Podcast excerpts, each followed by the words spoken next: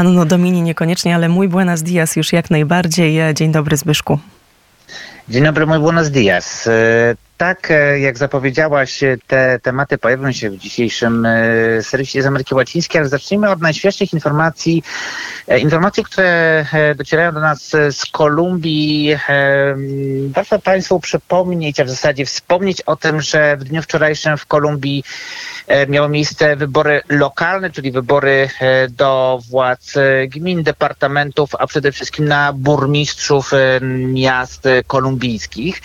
Wydawałoby się, mm, że te wybory nie są tak ważne jak wybory prezydenckie czy wybory parlamentarne, ale okazuje się, proszę Państwa, że i owszem są, ponieważ zwłaszcza jeżeli mówimy o wyborach do największych e, miast Kolumbii, e, burmistrzowie tych miast mają realną władzę, no i też można powiedzieć tak, że mają władzę nad rządem dusz. E, a dlaczego nie wspominam? Dlatego, że wybory te okazały się można powiedzieć prosto porażką dla Pacto Historico, czyli partii, z której wywodzi się partii lewicowej, czy w zasadzie takiego sojuszu partii, e, z którego wywodzi się obecny prezydent tego kraju, czyli Gustavo Petro. E, wprawdzie Pacto Historico ogólnie zdobyło większość głosów i można powiedzieć tak, że mm, jeżeli chodzi o prowincję, Pacto Historico utrzymało swoją władzę, e, natomiast jeżeli chodzi o największe miasta Kolumbii, e, Pacto Historico tę władzę przegrało. Pada Państwo tylko kilka nazwisk. W Bogocie wybrany został e, Carlos Fernando Galán, liberał. Z kolei miasto Medellin i departament Antioquia tutaj wygrało Centro Democratico, czyli Czyli e, Uribiści e, była e, formacja, która rządziła Kolumbią całkiem do niedawna, formacja prawicowo-populistyczna i tutaj, co ciekawe, na prezydenta miasta został wybrany Fico Gutierrez, czyli były kandydat właśnie z ramienia Centro Democratico, były kandydat w wyborach prezydenckich, który z kolei w ubiegłym roku też poniósł no można powiedzieć, e, całkiem sporą porażkę, nie wchodząc do drugiej tury wyborów. E, w Barranquilla, proszę Państwa, e, burmistrzem został wybrany w zasadzie po raz kolejny Alejandro Ciar, osoba, polityk z doświadczeniem takim właśnie, można powiedzieć, lokalnym, liberał, zresztą też sojusznik e, uribistów. E, z kolei w Kali nad e, Pacyfikiem wybrany został na burmistrza, został Alejandro Eder, był minister w rządzie Juana Manuela Santosa, również uribisty. Także proszę Państwa, te największe miasta i najważniejsze departamenty w, Kol w Kolumbii, czyli Bogota i Cundinamarca, Medellin i Antioquia, Barranquilla i Atlantico oraz e, Kai i Valle del Cauca znalazły się w rękach, no jeżeli nie centrum, to centrum i centroprawicy.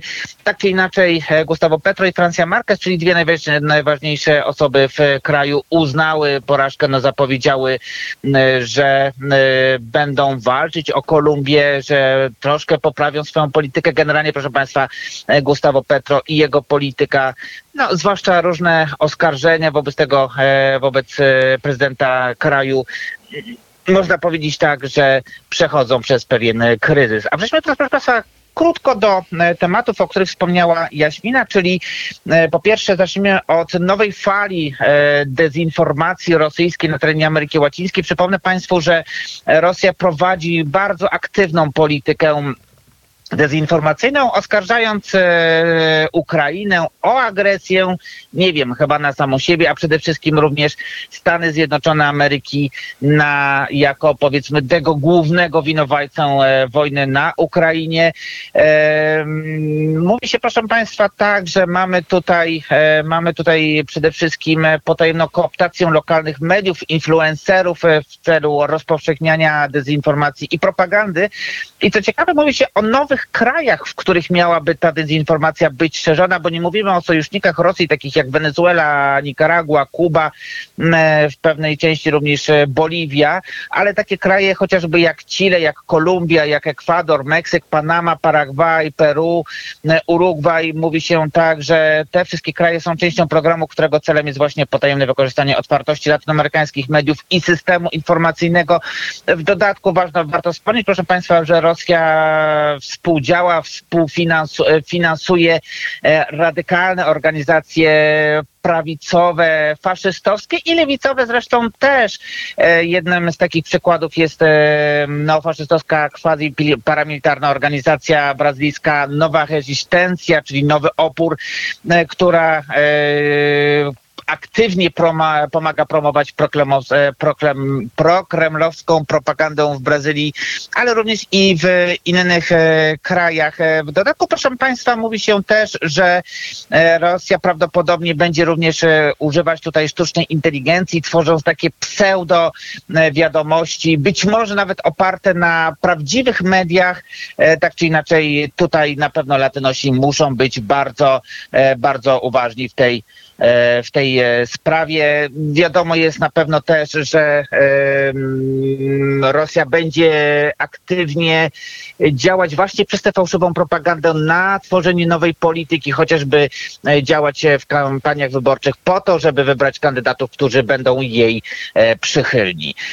Natomiast wspominając, proszę Państwa, o wyborach, Jaśmina wspomniała o Marii Korinie Maciado, tak, proszę Państwa, to jest jedna z najważniejszych pań polityk, e, jeżeli chodzi o e, Wenezuelę i wenezuelską opozycję. Przypomnę Państwu, że w e, ubiegłotygodniowych wyborach, prawyborach wenezuelskiej opozycji, w której to wenezuelska opozycja wybierała swojego kandydata, który w przyszłorocznych wyborach prezydenckich ma stanąć w szranki z czawizmem.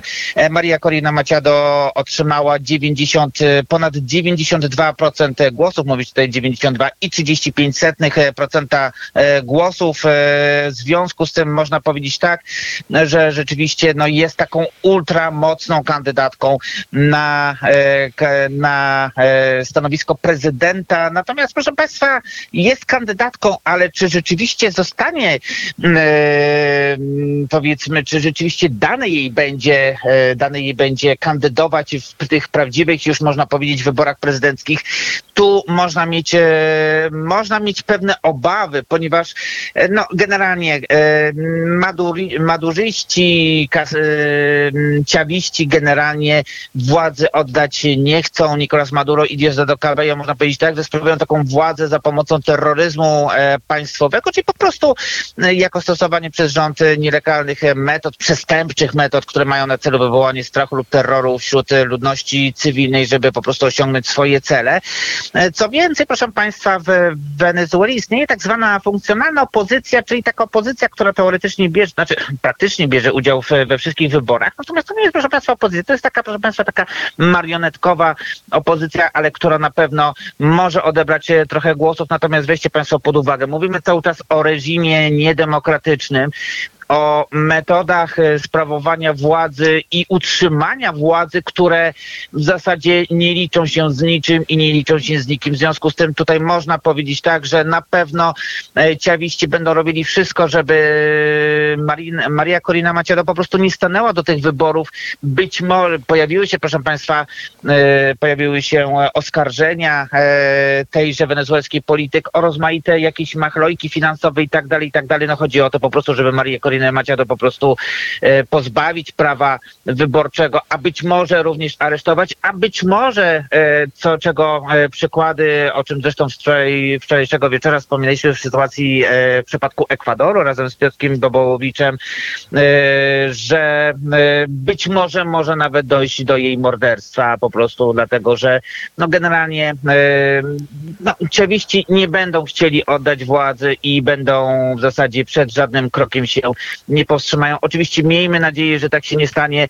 Natomiast ja e, mam nadzieję, że już niedługo e, będzie okazja również porozmawiać e, z Beatriz Blanco na antenie Radia Wnet w Republika tego... Latina właśnie o Marii Corinie Maciado. I do tego Zbyszku bardzo zachęcamy. Ja tylko jeszcze dodam, że my także o tych wyborach w Wenezueli rozmawialiśmy w ostatnim studio Dziki Zachód z Wojciechem Cejrowskim. Także zachęcam Państwa do śledzenia studia Tres por Tres i Republika Latina na antenie Radia Wnet. To jeszcze na koniec kilka słów, bo bardzo ciekawa informacja, którą podałeś dotycząca tych wpływów rosyjskich, chińskich, irańskich właśnie w Nikaragui. No Nikaragua, proszę no jest takim krajem, który w zasadzie od kilku dekad jest, e, jest e, największym sojusznikiem Rosji, obecnie również Chin e, i Iranu. To są kraje, które no, starają się cały czas zdobyć pewien przyczółek w Ameryce Łacińskiej. Daniel Ortega ostatnio zapro, zaproponował taką w zasadzie pomysł e, militarny generalnie, żeby zawrzeć e, sojusz, e, sojusze wojskowe właśnie z tymi krajami takimi jak Kuba, Rosja, Chiny, Iran, oferując kraj jako taką właśnie platformę, trampolinę można powiedzieć do agresji przeciwko Stanom Zjednoczonym. O tym zresztą wspomina proszę Państwa Roberto Samkam, który był sojusznikiem Daniela Ortegi, założycielem armii nikaraguańskiej w 1979 roku, a który po prostu powiedział tak, że generalnie w tej chwili to, co Ortega ma do zaoferowania, to jest taki skrajny antyimperializm, w którym wykorzystuje się e, i pozwala się wykorzystywać, aby powiedzieć Stanom Zjednoczonym, jestem platformą waszych wrogów.